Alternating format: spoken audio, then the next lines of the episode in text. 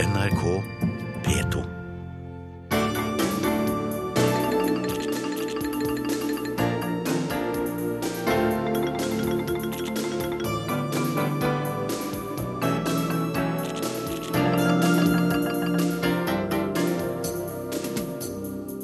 Verden på lørdag er her, og vi skal selvsagt til Egypt. Dette minner mer og mer om et kupp, sier utenriksminister Espen Barth Eide.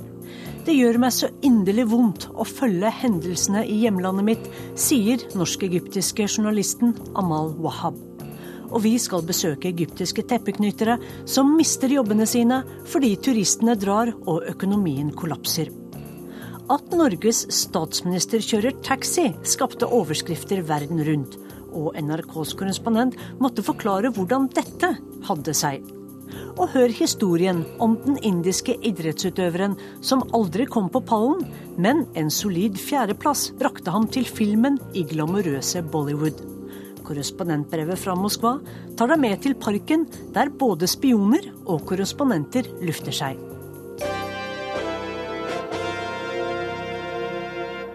Her i studio Sissel Wold. Denne uken har vi sett brutal voldsbruk fra det egyptiske militæret. Rundt 600 mennesker ble drept denne uken da sikkerhetsstyrkene til det militære, som avsatte president Morsi, aksjonerte mot hans tilhengere. Folk som krever at Det muslimske brorskapets demokratiske valgte president gjeninnsettes. Fra det norske utenriksdepartementet heter det at kuppet har alle karakteristika av et kupp. Men hva er det som skiller dette fra et klassisk kupp, utenriksminister Espen Barth Eide? Stadig mindre, vil jeg si. Det er jo uh, nettopp som du sier, slik at uh, dette har omtrent alle militærkuppets karakteristika. Uh, vi har altså en valgt president som sitter i fengsel eller i husarrest. Vi har en en visepresident i overgangsregjeringen som nettopp har gått av i protest mot overdreven eh, voldsbruk. Og det som fremstår som Egypts sterke mann, er general al-Sisi. Så vi har kommet stadig nærmere eh, den erkjennelsen at dette ligner mer og mer på det vi kan kalle et klassisk militærkupp. Men så er det et ørlite håp igjen eh, om at dette kan komme inn på et bedre spor. De nye makthaverne sa i utgangspunktet en del riktige ting om et veikart mot valg, med inkluderende valg da alle skulle være med. Men begivenhetene på bakken har jo beveget seg i stikk motsatt retning. Så det er opp til eh, makthaverne nå å definere. Hvis de åpner for nye valg, så er det ikke et kupp. Hvis de beholder makten, så er det et kupp. Det er i hvert fall slik at Den historiske dommen eh, den kjenner vi jo først om eh, noe tid. Eh, men hvis man skal unngå at dette går inn i historiebøkene rett og slett som et blodig militærkupp, der Egypt gikk tilbake til tiden før 2011, og der Mubarak-regimets metoder er tilbake, dog med andre ansikter, så er det ikke minst de nye makthaverne som må vise at de mener alvor med det. Og de har stadig kortere tid på seg til å vise det. Og vi ser jo også hvordan eh, et stadig mer samlet verdenssamfunn er stadig tydeligere i språkbruken. Det gjelder USA, som eh, er klar og tydelig. Det gjelder EU, eh, e som dog på tross av litt indre uenighet har blitt tydeligere i språkbruken. Og det gjelder også en del av de arabiske landene som vi samarbeider med, selv om det også der er ulike syn på dette. Ecuador og Tyrkia har hjemkalt sine ambassadører fra Egypt. Har du tenkt på noe av det samme? Tvert imot. Eh, det er jo nå vi trenger å ha vår utmerkede ambassadør Tor Vennesland eh, i Egypt. Eh, direkte og gjennom han så har vi kontakter langt inn i de nye makthaverne og langt inn i, helt opp til toppen i brorskapet. Og Det er kontakter vi bruker for alt det er verdt.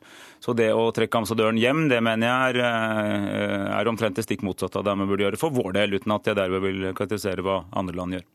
Amnesty International har krevet full granskning av de militære myndighetenes voldsbruk. Men det er jo også rapporter om at eh, Det muslimske brorskapet eller deres tilhengere har brukt våpen.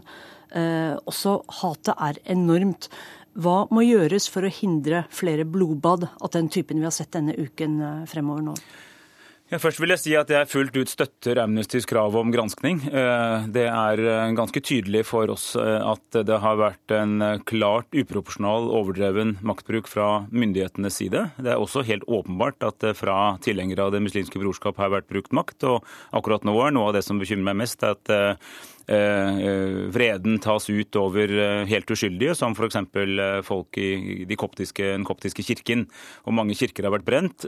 Selv om jeg er glad for at brorskapet tar avstand fra dette på sentralt plan, så bør de gjøre mer for å prøve å stoppe sine tilhengere fra å ta hevn den veien. fordi to feil gjør ikke én riktig. Det er ikke slik at vi, fordi vi tar avstand fra myndighetenes maktbruk, at vi kan støtte opp om den som kommer i respons. Og vi ber begge parter nå vise tilbakeholdenhet. Eh, hvis ikke de gjør det, så frykter jeg at Egypt degenererer inn til dyp sekterisk vold. Eh, og Det er altså oppskriften på en, eh, si, en varslet katastrofe. Veldig alvorlig for Egypt og egypterne, men også for hele Midtøsten. fordi Som det største arabiske landet så vil dette sette tonen for hva som måtte være igjen av den arabiske våren i hele regionen. Da islamistene i Hamas ble valgt eh, demokratisk også i 2006, så reagerte jo Vesten, bortsett fra Norge, eh, med å boikotte Hamas, som var da demokratisk eh, valgt. Ser vi den samme tendensen nå? At land i Vesten er egentlig litt lettet over at det muslimske brorskapet er parkert, fordi at man ikke nødvendigvis liker de ideene brorskapet står for?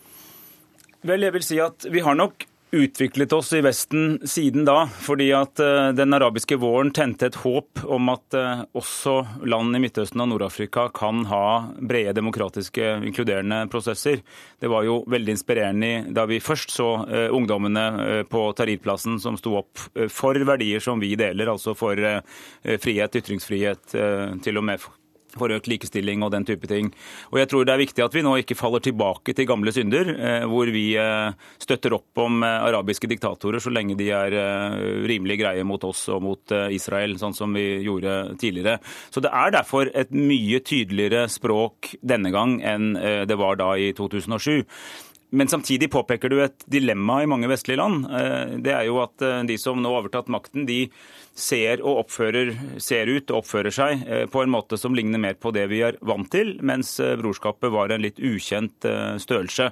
Så selv om de var demokratisk valgt, så var de nok fremmed for mange. og Det, det nok, kan nok forklare hvorfor i hvert fall de innledende reaksjonene var kanskje litt spake. Ja, sa utenriksminister Espen Barth Eide. Og vi skal videre til dem som betaler prisen for det egyptiske opprøret vanlige arbeidere og familieforsørgere som mister jobbene sine fordi økonomien er i fritt fall. Turistene skyr unna Egypt, og de mange millioner som lever av turismen på et eller annet vis, mister inntektene sine. Korrespondent Lars Sigurd Sunnanå har besøkt et teppeveveri.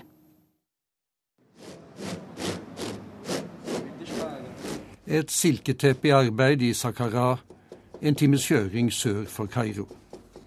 Det skulle vært fullt av turister i lokalet vi besøker.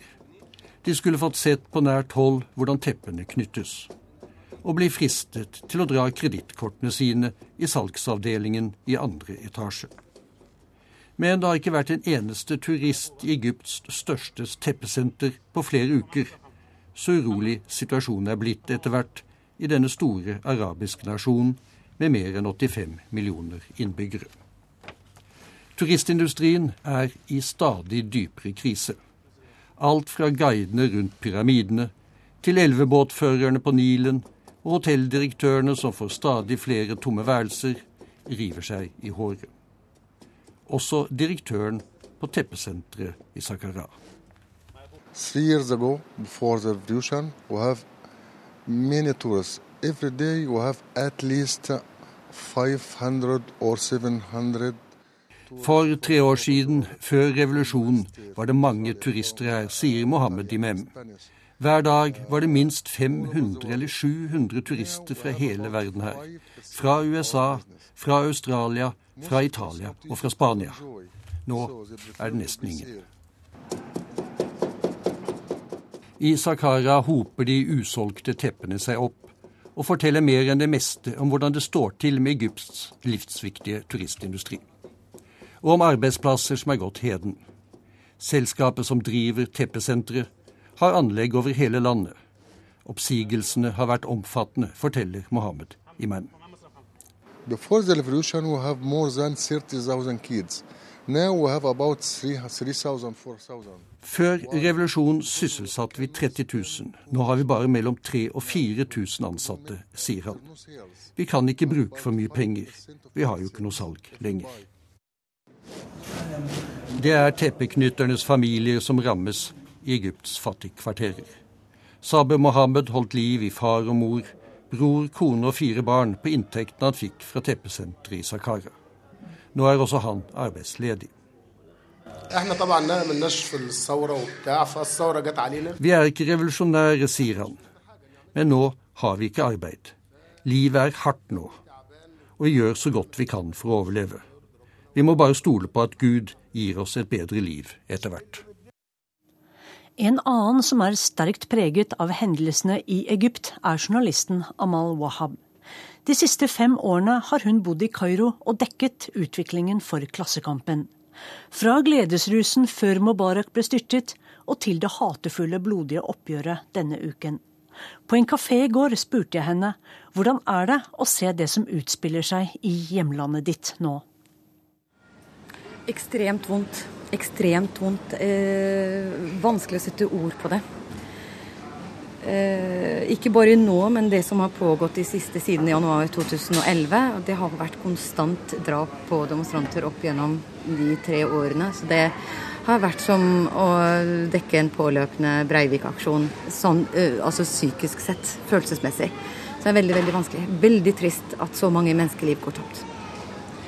Det var jo helt fantastisk da dette begynte. Da, da det var gledesscener på Tahrir-plassen og alt så så lovende ut. Men når du ser hva som har skjedd nå, hva er det som har uh, skuffet deg mest? Det som har skuffet meg mest, er uh, hvordan uh, Altså problemet den, egyptiske, den egyptiske revolusjonen i januar 2011, der var alle samlet. Men denne revolusjonen hadde ingen ledelse. Og det som da skjedde, rett, ikke bare etter at Mubarak falt, men mens Mubarak satt, var at det muslimske brorskapet allerede den gang gikk ut og prøvde å mele sin egen kake, og faktisk klarte det. Så er det noe som har gjort at ting har gått galt, så er det nettopp det at brorskapet og resten av de revolusjonære kreftene ikke har klart å holde fortet og holde seg samlet med et minimum av felleskrav og ikke mele sine egne kaker.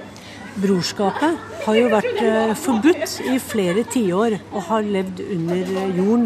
Når de plutselig har vunnet et eh, demokratisk politisk verv, har det gått dem til hodet på et sett, fordi at de virkelig tok seg til rette? Du, altså jeg tror det er veldig viktig å være klar over at uh, Brorskapet er, selv om det kan virke som en homogen organisasjon, så er det ingen homogen organisasjon. Det fins mange forskjellige fraksjoner innad, og, de har, og, det har vært en intern maktkamp også i Brorskapet. Vi har sett den siste tiden, og etter revolusjonen spesielt, mange som har trukket seg ut i protest mot dagens nåværende eh, ledelse i Brorskapet. Brorskapet begynte å styre egenrådig, og det toppet seg i november i fjor med grunnlovsdeklarasjonen. Der hevet Morsi seg selv over rettsforfølgelse. Han gjorde sine egne vedtekter immune og presset gjennom sin i gåsetegn islamistiske grunnlov. En grunnlov skal skrives av alle, og det skal skrives Det skal definere et minimum man er enige om. Ikke et maksimum, men et minimum. Så når alle sivile krefter hadde trukket seg ut, så kjørte islamistene sitt eget løp, fikk presset gjennom eh, Grunnloven. Med den grunnlovsdeklarasjonen så var splittelsen der for godt. Det var også i, i forbindelse med de store demonstrasjonene etter grunnlovsdeklarasjonen, der hundretusener eh, demonstrerte i Egypts gater, at vi så brorskapets andre ansikt. Nemlig vi så hvordan aktivister ble torturert. En av de som ble torturert og fremstilt som pøbel, viste seg å være Egypts tidligere ambassadør i Venezuela. Hvorfor mener du at det burde vært en folkeavstemning? Innenfor demokratiet så finnes det demokratiske midler for å rette opp eventuelle diskurser som dukker opp underveis. Han burde ha gått til folkeavstemning for å unngå den situasjonen Egypt er, for, er kommet inn i dag. De ville sannsynligvis ha tapt folkeavstemningen. De ville ha tapt presidentvalget, så upopulære som brorskapet er nå. Men de ville ha reddet landet ut av blodige, den blodige situasjonen vi befinner oss i nå. Og ikke minst reddet brorskapets politiske fremtid og skapt den tilliten som er nødvendig i samfunnet. Du er religiøs selv, du går med skaut.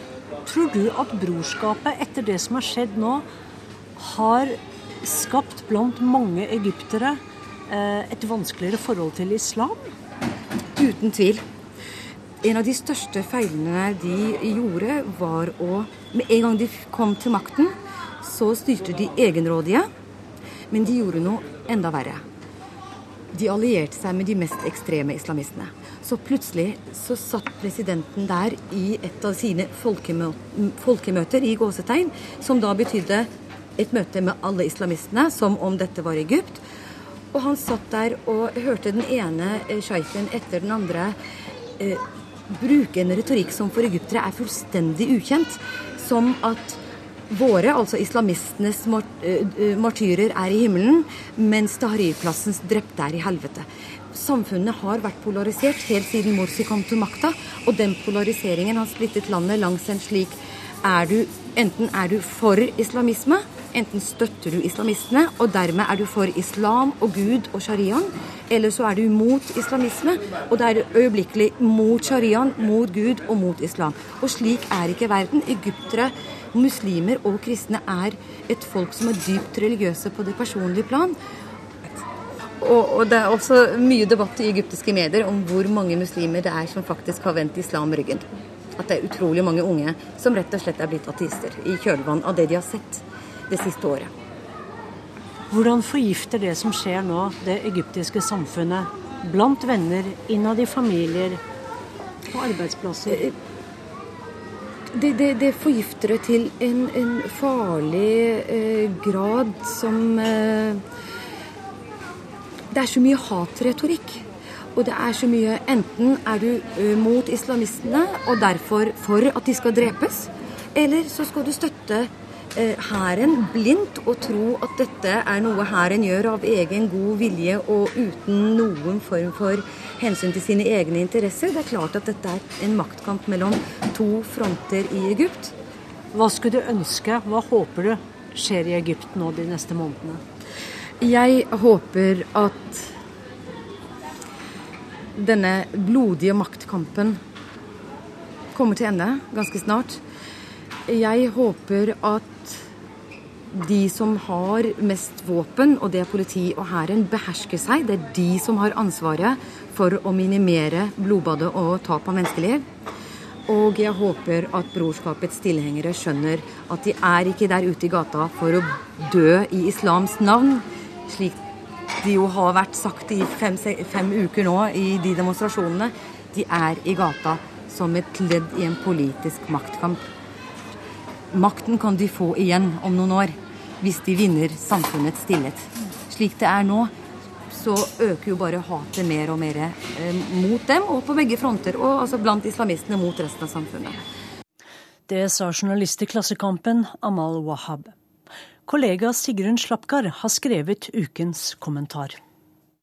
Brorskapet er ikke deg du trur, sa den egyptiske forfatteren Salwa Bakker til meg da jeg intervjua henne i Kairo for snart to år siden.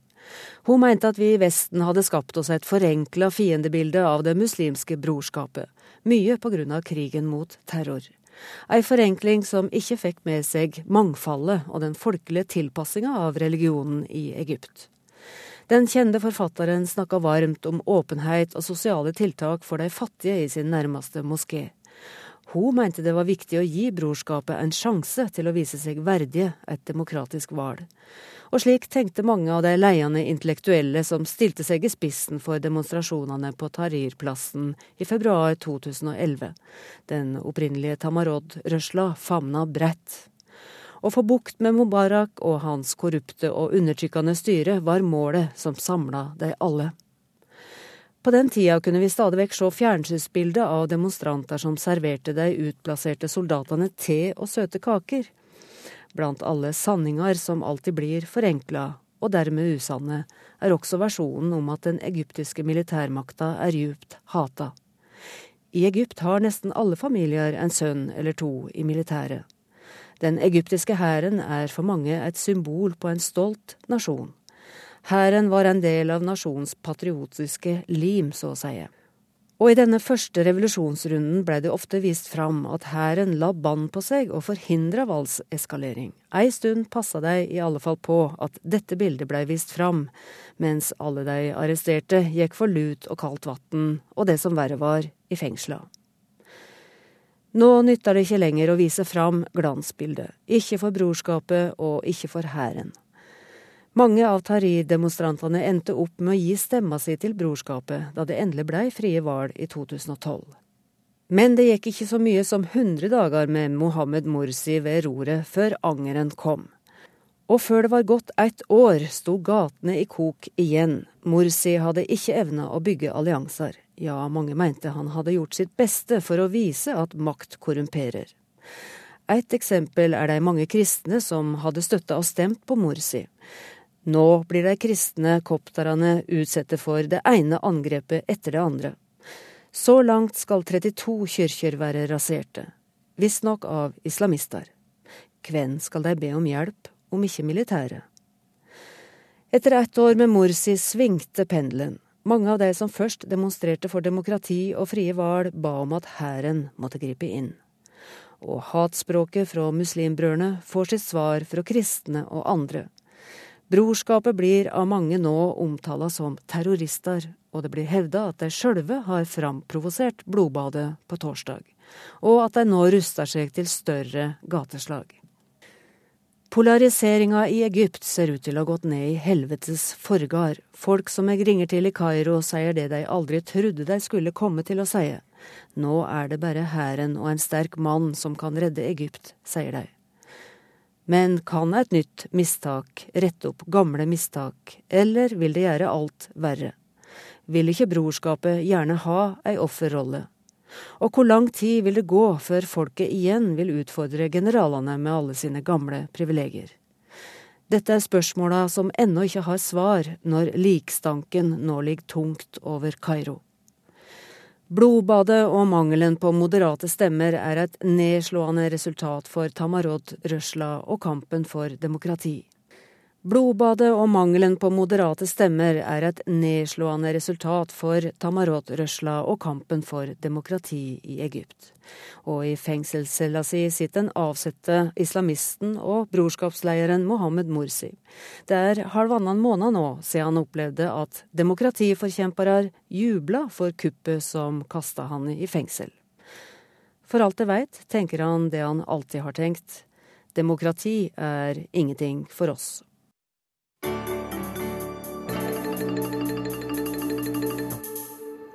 Nå til den tyske valgkampen, der økonomien er et stort tema.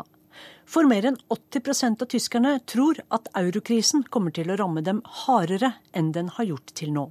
Det viser en meningsmåling denne uken, og Arnt Stefansen følger valgkampen i Berlin. Die neue Partei Alternative für Deutschland will mit Anti-Euro-Parolen in den Bundestag. Alternativ for Tyskland ble dannet i vår og går til valg for første gang denne høsten.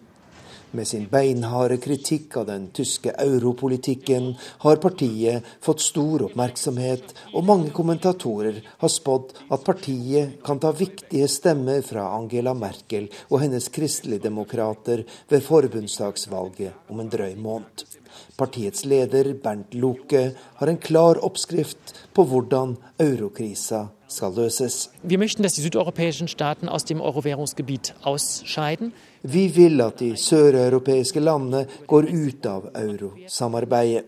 Det er ingen mening i at tyske skattebetalere skal fortsette å subsidiere land som i årevis har levd over evne, og som ennå ikke er i stand til å begynne å tilbakebetale sin gjeld. Å avvikle euroen er også en fordel for kriselandene selv. Da kan de nedskrive verdien av sine valutaer, bedre sin konkurranseevne, få fart på økonomien igjen, og dermed bekjempe den katastrofale arbeidsledigheten som nå rammer en hel generasjon unge mennesker, sier lederen for Alternativ for Tyskland. realisieren können, was Sie ursprünglich zugesagt haben. Sie brauchen sicherlich mehr Zeit. Oppmøtet var stort da lederen for Alternativ for Tyskland denne uken presenterte sin politikk for det internasjonale pressekorpset her i Berlin. Bernt Loke slo fast at den økonomiske krisa i Europa nå er dypere enn på noe tidspunkt siden den startet for fem år siden. Og han lar seg ikke imponere av nye tall som viser en svak økonomisk oppgang i eurosonen i siste kvartal. Die Krise ist auf gar keinen Fall vorbei. Die Krise ist ja eine Krise der südeuropäischen Staaten. Krisa er på ingen måte over. Dette er en krise som i første rekke gjelder de søreuropeiske landene. Der er arbeidsledigheten fortsatt skyhøy, og gjelda fortsetter å stige. Og selv om vi ser noen lysglimt, så vil det være et selvbedrag å tro at det fra nå av går den riktige veien, sier Bernt Loke, som er økonom av utdanning og tidligere medlem av Det kristelig-demokratiske partiet.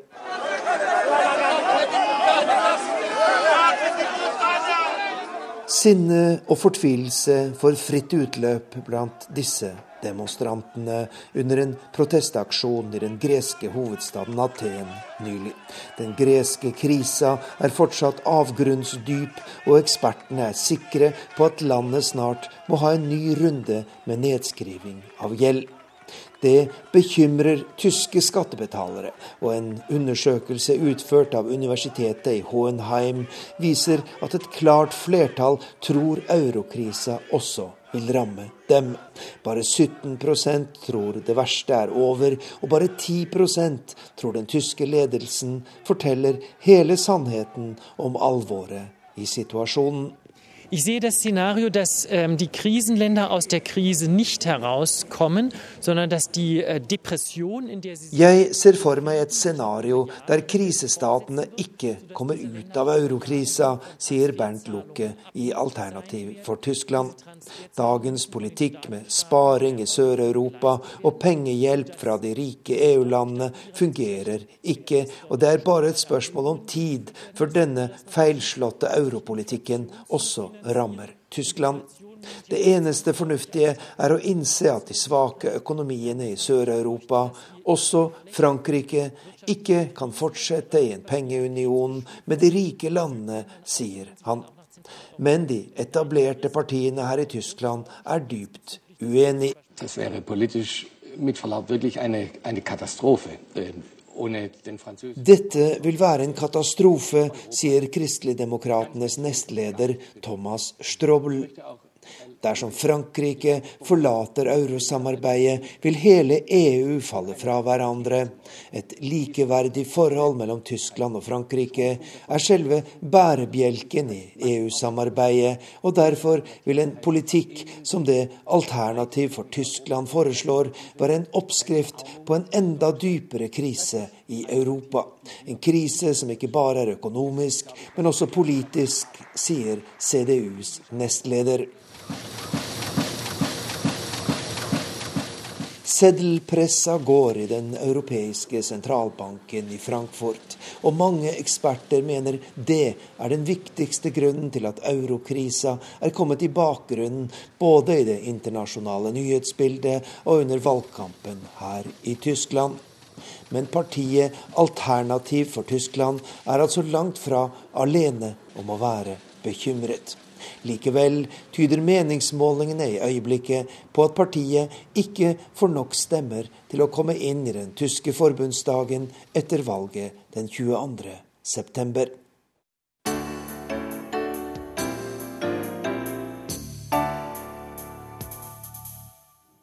Det tyske valget er viktig for Europa. Men verdenspressen fattet også interesse for det norske valget denne uken. I jobben min som statsminister er det viktig å få høre hva folk egentlig mener. Og er det ett sted folk virkelig sier hva de mener om det meste, så er det i taxien. Jeg skal til Spektrum med en tre på Theisen. Når jeg ser på siden, så virker det ligner på Stoltenberg. Du mener jeg ligner på Stoltenberg? Er du Stoltenberg, da? Så du begynte å kjøre taxi? Ja. ja. Som på si? Ja. det er alle disse her lederlønningene. De skulle ikke ha sånne millionlønninger. det er vanskelig å få stoppet det, for at det, alle de byr hverandre opp, og kollegene tjener så mye og sånn. Så, Ja. Men vi, men Ja, men vi du gjør som, som er statsminister. Ja, men du skjønner, bestemmer ikke helt aleine over disse bedriftene. London-korrespondent Espen Aas ble raskt hentet inn til BBC for å forklare hvordan dette hang sammen. And the PR company that thought it up is run by one of his closest uh, friends, who's also, uh, also a Labour uh, supporter. So, um, Well, let's just take this opportunity quickly. I mean, so who's the next prime minister, and does Norway change as a result? There's a relationship with the UK. Is, it, is that likely to be influenced? Norwegian government tends to uh, not be too uh, different. Uh, if there's going to be a change now, they're going to be uh, a government led by uh, the Conservatives, led by the first female uh, prime minister in, in quite some uh, Det ble i det hele tatt en travel uke for Espen Aas, for sjelden har Norge vært så mye omtalt. Mr. Cameron's Norwegian counterpart, Jens Stoltenberg, has spent the day as a cab driver ferrying passengers Uansett hvor viktig vi selv måtte føle oss i furet værbitt, må vi også være ærlige på at det går en stund mellom hver gang Norge dukker opp i nyhetsoverskriftene internasjonalt. Med unntak av 22.07-massakren er det få saker som når opp til å bli noe særlig mer enn notiser, for så å bli glemt. Men at Norges statsminister satte seg alene bak rattet i en drosje, inkognito, satte virkelig i gang noe. Telefonen her på London-kontoret ringte tidlig søndag ettermiddag. Det var en av reporterne i BBC News, BBCs 24-timers nyhetskanal på fjernsyn, som ringte. Ikke helt oppdatert muligens, for han spurte om presidenten i Norge hadde kjørt drosje i natt.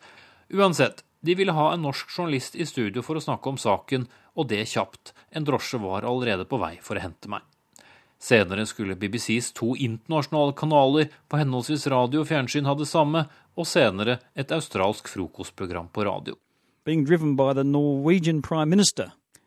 It's, uh, it's a great story, uh, but there's more to the story than you think.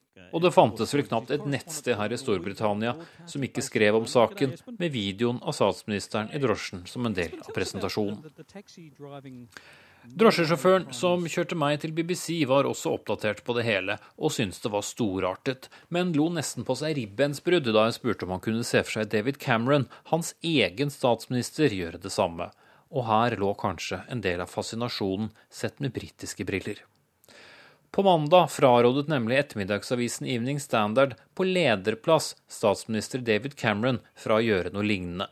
For det første ville han høres ut som en drosjesjåfør med altfor dyr utdannelse, og for det andre ville han ha altfor liberale meninger for passasjerene. Scenarioet med Cameron bak rattet i en drosje satte i gang mye kreativitet hos vittige tunger. Hvis han ble bedt av en passasjer å kjøre til østkanten, ville han vel kanskje fortelle om den gangen for fem-seks år siden da han snakket med en ekte svart mann. Hvis noen ønsket å bli kjørt til lavpriskjeden Aldi for å handle, ville da David Cameron skjønne hva det var, eller ville han heller kjøre dem til delikatessebutikken Fortnum Masons på Piccadilly, som har astronomiske priser i forhold, osv. Avisen The Times fulgte opp på lederplass tirsdag. Etter noen sarkastiske kommentarer lekte avisen med tanken om at dette burde faktisk britiske politikere også prøve, for å dempe ned sin egen udugelighet og overeksponering. Problemet er likevel, konkluderte avisen, at du må ha kjennskap til vanlige folk for å gjøre noe sånt. Britiske politikere er nemlig mer kjent for å skyte på seg å være folkelig, enn å faktisk være det. Mange hevder å være glad i fotball, men går i stedet på polo- og cricketkamper. Alle elsker angivelig fish and chips, men spiser på dyre gourmetrestauranter. Da nåværende utenriksminister William Hague ledet det konservative partiet, hevdet han i et forsøk på å fremstå som folkelig at han drakk 14 halvlitere øl hver dag da han var tenåring. Og finansminister George Osborne, med sine aristokratiske aner og arveretten til et baroni, la rett før fremleggelsen av statsbudsjettet ut et bilde av seg selv med en hamburger som overtidsmat på mikrobloggtjenesten Twitter. Formålet var selvsagt å fremstå som folkelig. Dessverre for Osborne ble det avslørt at den såkalte hurtigmaten hans i virkeligheten var kjøpt på et gourmetsted og kostet mange ganger prisen av en såkalt vanlig hamburger. Tilbake til Norge i nyhetene. Det er gjerne det kuriøse som får plass, f.eks. da daværende miljøvernminister Torbjørn Berntsen i sin tid omtalte landbruksministeren i Storbritannia som den største drittsekken han hadde møtt, for øvrig oversatt til shitbag i mediene her. Da Senterpartiets Gudmund Restad ble finansminister i Bondevik I-regjeringen i 1997, ble det flere oppslag på at Norge hadde en lensmann til å styre finansene. Men ikke i nærheten av oppmerksomheten rundt drosjestuntet og alle dets fasetter som ble rullet opp senere. Videoen av Jens Stoltenberg bak rattet i drosjeuniform var den mest sette videoen på BBCs nettsider hele søndag, og godt besøkt utover mandagen også. Og britene fikk jo samtidig vite at det er parlamentsvalg i Norge, de fikk vite hvor lenge regjeringen til Stoltenberg har sittet, og hvor mye den sliter på meningsmålingene. Og som jeg har blitt spurt om et par ganger allerede, har dere virkelig egne uniformer til drosjesjåfører i Norge? Det skal sies at Jens Stoltenberg, Kjetil Try og resten av apparatet traff godt med oppslaget sett med internasjonale øyne, for august er den store feriemåneden her i Storbritannia og i mye av Europa. Mediene har agurktid, eller silly season, som briten enda mer treffende kaller det. Så det har ikke bare vært statsminister som drosjesjåfør som har vært fremme. Vi har sett live-rapporteringer fra pandafødsler, enorme oppslag på hvem som skulle ha hovedrollen i neste runde av TV-serien Doctor Who, osv. Det forteller nok uansett sitt om når vi når opp i mediene ute i verden, det er kanskje godt det fortsatt refereres til Oslo-avtalen også.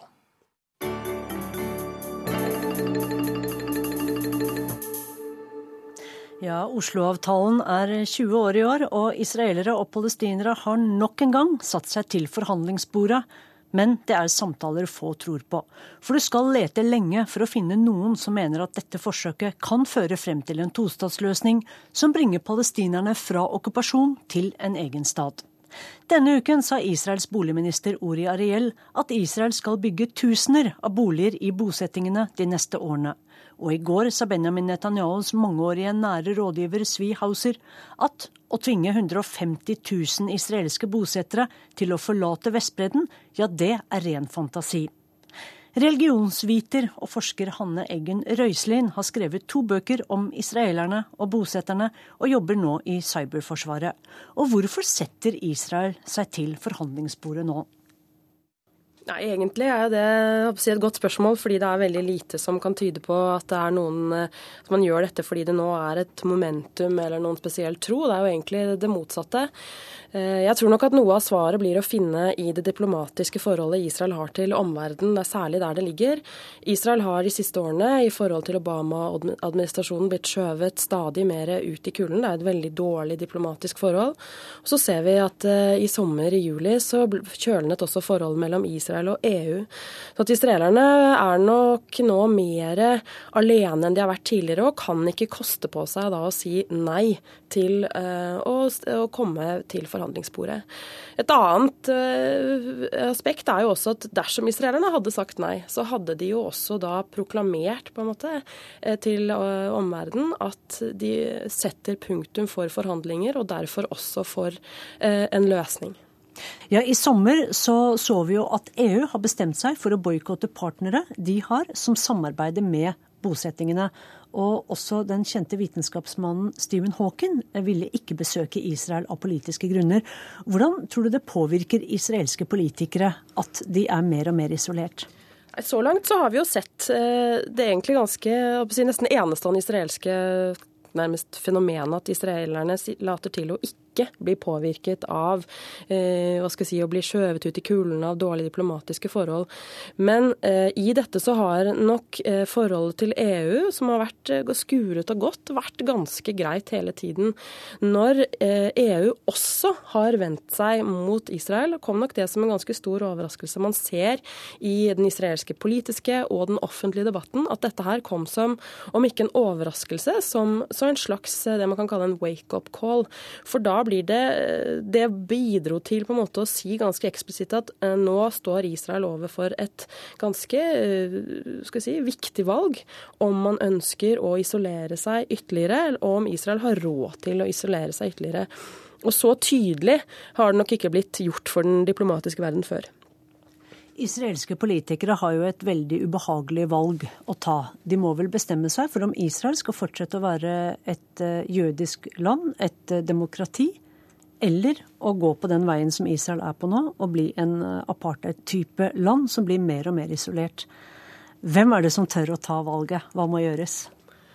Nei, eh, jeg, slik jeg ser det, så står vi eh, nå overfor i en ganske spesiell situasjon i den forstand, og det er et stort paradoks, at enhver løsning er utopisk.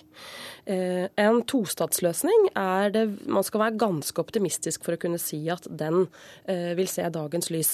Eh, på samme tid så er en enstatsløsning, altså en, si, en levedyktig enstatsløsning, også helt utopisk. Man kan beholde den situasjonen man har en stund til, men så vil f.eks. demografien komme med en løsning av seg selv. Eh, slik situasjonen er nå, er det ingen politikere som eh, later til å ønske å stå fram og ta det helt store valget. Og Det er kanskje litt eh, betegnende for israelsk politikk også at den mangler en stor visjonær plan. Den israelske regjeringen har ikke en Soria Moria-plan som gjør at man har her starter vi, og dit skal vi gå i neste, løpet av de neste fire årene. Det er liten enhet, eh, enighet internt i regjeringen. Stor, store krangler om de mest grunnleggende spørsmål, som da f.eks. dreier seg om Palestina-spørsmålet. Men også mange andre, men det er jo da naturligvis ett av dem. Når det gjelder statsminister Benjamin Netanyahu, så virker det jo som om han er eh, ensom politisk. Han har eh, mye krefter mot seg i regjeringen. Han stoler ikke på noen. Og veldig ofte, eh, iallfall når jeg har spurt israelere om hva tror du Netanyahu vil for Israel, hva er planen hans for landet, så sier jo folk ofte at det vet vi ikke, og vi tror ikke heller at Netanyahu vet det. Nå ligger jo mye på hans skuldre. Det er veldig interessant akkurat det, å ha en statsleder som ingen eh, egentlig forstår. Han er en ganske interessant skikkelse fordi han samtidig har klart å holde seg flytende i israelsk politikk så veldig lenge. Og kanskje noe av hemmeligheten ligger i nettopp den slags uforutsigbarheten som han har. Og så har han jo også klart å holde da, det diplomatiske spillet med Han snakker jo engelsk som eh, man skulle jo tro han var amerikaner. Som liksom har gjort han veldig sånn anvendbar overfor den amerikanske offentligheten, f.eks.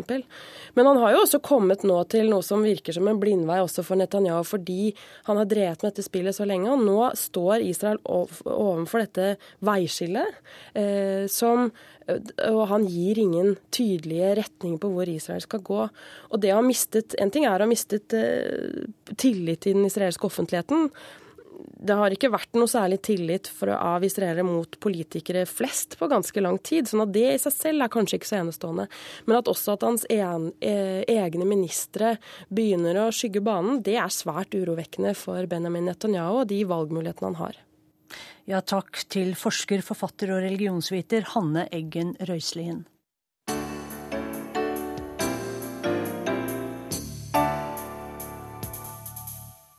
Vi skal til indiske idretts- og filmstjerner. For denne helgen avsluttes VM i friidrett i Moskva. Og ikke mange utøvere med en fjerdeplass i et OL eller VM som sin beste prestasjon, opplever at det blir laget spillefilm om deres liv. Men det er tilfellet med Milka Singh. Filmen Bag Milka Bag, Løp Milka Løp, er denne sommerens kassasuksess fra Bollywood. Utenriksmedarbeider Philip Lote forteller. Fortellingen starter i en liten landsby vest i Punjab, i den delen som i dag ligger i Pakistan. I Govindapura var det ingen som visste hva løping var, eller hva de olympiske leker var, har Milka Singh sagt. Vi løp ti kilometer til skolen hver dag, men verden der ute visste vi ingenting om.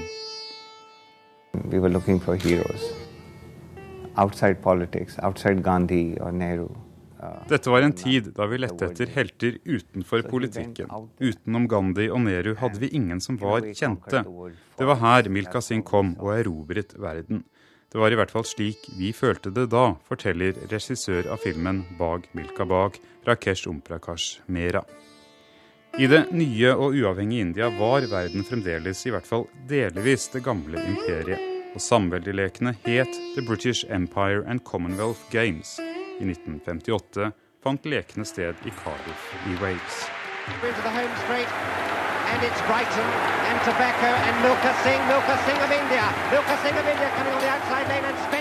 Milka Singh løper inn til gull på 440 yards. Ingen indere har gjort dette etter ham. Milka Singh ble født som ett av 15 søsken i 1935. Under den opprivende delingen av India og Pakistan ble begge hans foreldre og tre søsken drept. Tolv år gamle Milka Singh endte som flyktning i New Delhi. En eldre søster tok vare på han, men uten tro på livet og rastløs vurderte Milka Singh en kort periode et liv som dacoit, som på indisk ganske enkelt betyr banditt. I stedet lot han seg verve til hæren. Milka Singhs talent for løping ble oppdaget da alle rekruttene skulle løpe et testløp. Farhan Akhtar, som spiller Milka Singh, gikk gjennom seks måneder med løpe- og styrketrening for å forberede seg til rollen. I wanted them to believe that they've cast an athlete Jeg ville at publikum skulle føle at det var en idrettsutøver som hadde lært å spille, ikke en skuespiller som hadde lært friidrett. Dette fordi jeg ville at publikum skulle føle den rå energien Milka Singh opplevde da han gikk ut på en arena. Under OL i Roma i 1960 var Milka Singh en av favorittene før 400-meterfinalen. Han ledet etter 250 meter, men gjorde en taktisk feil da han slakket av fordi han trodde farten var for høy. Alle de fire første løp raskere enn den olympiske rekorden fra før mesterskapet. Den fjerde av dem var Milka Singh. Fjerdeplassen står som den største prestasjon av en indisk mannlig løper noensinne. Milka Singhs liv har vært så fullt av drama at vi mer eller mindre la til side alle de normale Bollywood-dramaturgiske effektene, forteller regissør Rakesh Omprakash Mera.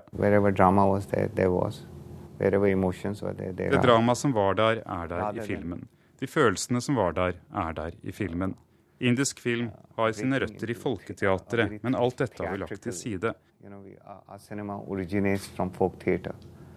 So that has been left behind. Filmen er sådan ganske ubollywoodsk, sier regissøren. I samme år som OL i Roma skulle Milka Singh være stjernen for India i en landskamp mot Pakistan. Milka Singh, preget av sin opprivende barndom, nekter å stille. Til slutt er det statsminister Nehru som overtaler Singh til å delta. Sir,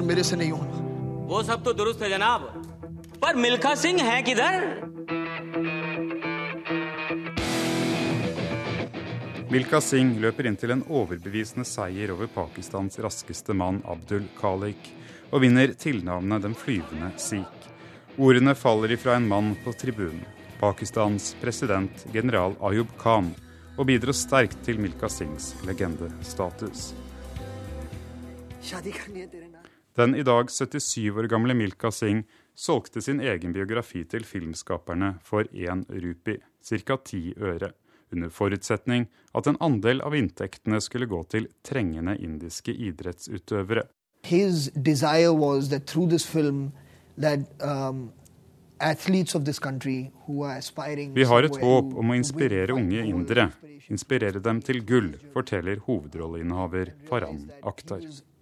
This close, you know, to winning a gold, and maybe now let's go out and, and fulfill that dream for him.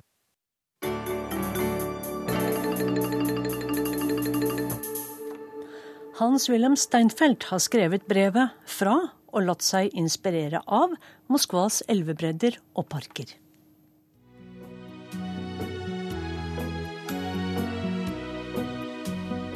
Речка движется и не движется в эти тихие вечера.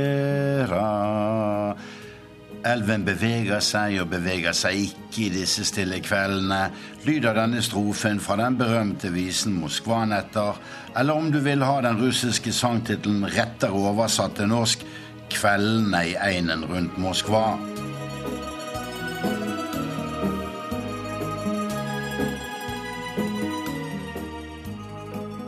For her flyter Moskvaelven fra nord til sør. Dette er ikke Volga som besynges som fedrelandets mor. Nei, Moskvaelven er en liten elv etter russisk målestokk, bare forbundet med en kanal til Volga, Europas største elv. Moskvaelven er heller ikke den blå Donau, skjønt blåfargen skal du lete lenge etter i dagens forurensningssamfunn i alle disse elvene. Likevel søker moskovittene til Moskvaelvens bredder om sommeren, selv om her flyter død fisk, Et lik fløt forbi meg en gang, og særlig sør for Moskva er vannet så som så, etter ferden gjennom Europas største by med hele 15 millioner mennesker. Men Moskvaelven liksom lister seg inn i den russiske hovedstaden fra nordvest, med forgreininger der de nyrike langt på vei fikk legge beslag på elvebredden med sine små og store slott. Et av de gamle, populære badestedene ikke langt fra Putins residens vest for Moskva heter Uspjenskoje. Folkelig og enkelt, men med en pen sandbanke på den lave bredden hvor elven svinger. Dit dro vi i årevis om somrene. For en mannsalder siden badet vi der ute mens barna var små. Min sønn Peter, som den gang bare var to år, ville ut i vannet til de store ungene. Så han forlot mamma i solsteiken og vasset i vei.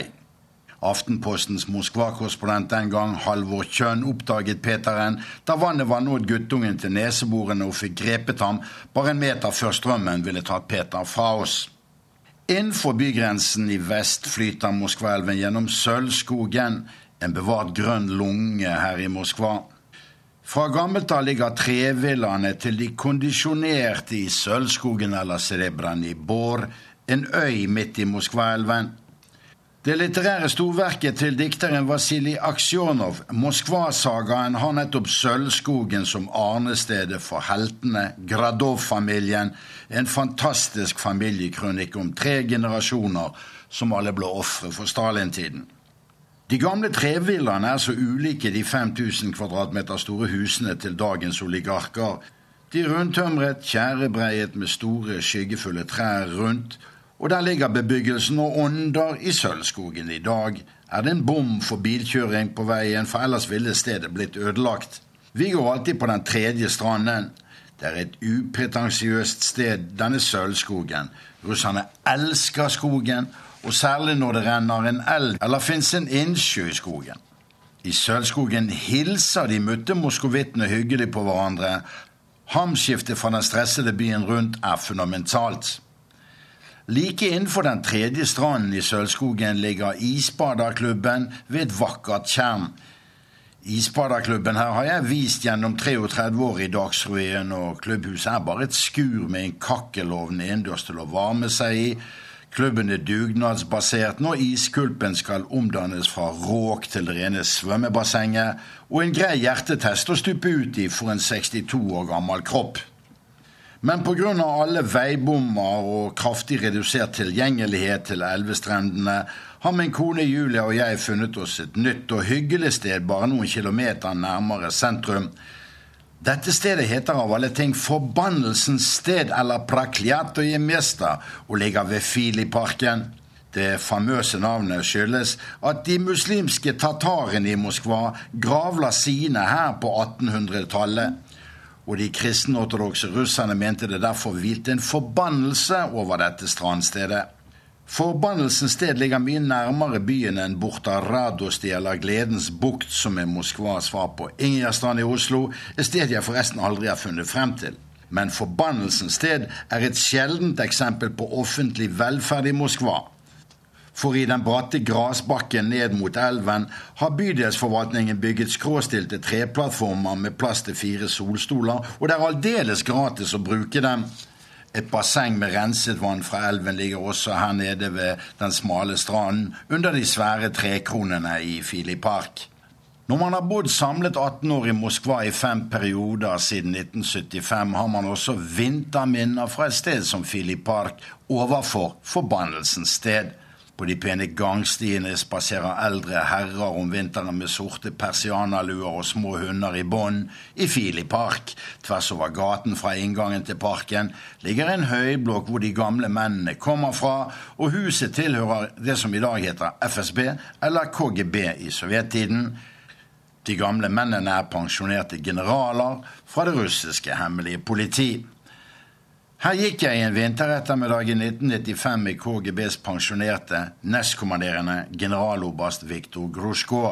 Alle hilste med age på den gamle etterretningslegenden, og han hvisket til meg han der var resident i Washington, og han der borte var i Roma, og jeg var jo selv tolv år i Oslo som spion også, sa Grusjko.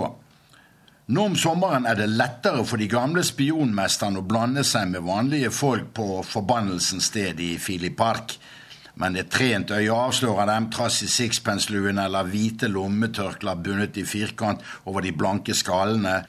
For gamle KGB-generaler går med sokker også i 40 graders varme, siden gammel verdighet er vond å vende. Men min kone Julia og jeg har funnet oss en sommernisje under Spurvehøyden som ligger mye nærmere Oktoberplassen hvor vi bor. I sovjettiden het Spurvehøyden Leninhøyden, og langs med den gjør Moskvaelven sin største sving. Oppe på høyden ligger Moskvas statsuniversitet, MGO, eller Lomonosov-universitetet, et landemerke i Moskva. På brinken ligger hoppbakken, der folk fremdeles sverger til norsk skismørning vinterstid av typen Holmenkollen. Nede ved elvebredden er det laget en flott kilometerlang forhøyet mur mellom elven og spaserveien i denne største, grønne lungen i den russiske hovedstaden. Men fem meter under dette murgirlenderet ligger små betongbrygger med trapper ned, og der kan elvebåtene legge til. Men det gjør de nesten aldri, og likevel er det helt folketomt på disse små bryggene under fasademuren. Dette er Julia og min nisje på sommerettermiddagene om hverdagene. To sammenhengende små strandstoler fra Ikea og flott utsikt til Luzhniki-stadion på andre siden av elven gjør hele underverket for oss. Det var forresten her et lik fløt forbi meg for to år siden også, blant mye annet rart. Her bader vi ikke, her slikker vi bare sol. Men i kveld er vi tilbake på Bryggen ved hytten vår i Borre i Vestfold. Havvannet er betydelig renere her enn i Moskvaelven, og jeg tenker på hvilket privilegium det er å ha fri adgang til havet. Det er avslutning på ferien, og i morgen er det tilbake til Moskva igjen med saltvann i skjegget. Det er her på moloen i Borre at Julia og jeg la grunnen for vår smule isbadertradisjon i Moskvaelven gjennom årene. For på hytten forlenger vi ofte badesesongen ut til grå november. Den treningen kan komme godt med, for livet i Moskva byr både russerne og oss på mange praktiske kalddusjer i alle ordets praktiske betydninger. Men det glir av en med en dukkert også i Moskvaelven over helgen. Hans-Wilhelm Steinfeld, Moskva.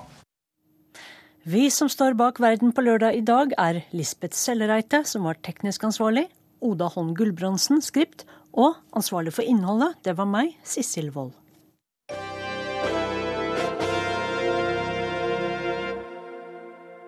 Hør flere podkaster på nrk.no podkast.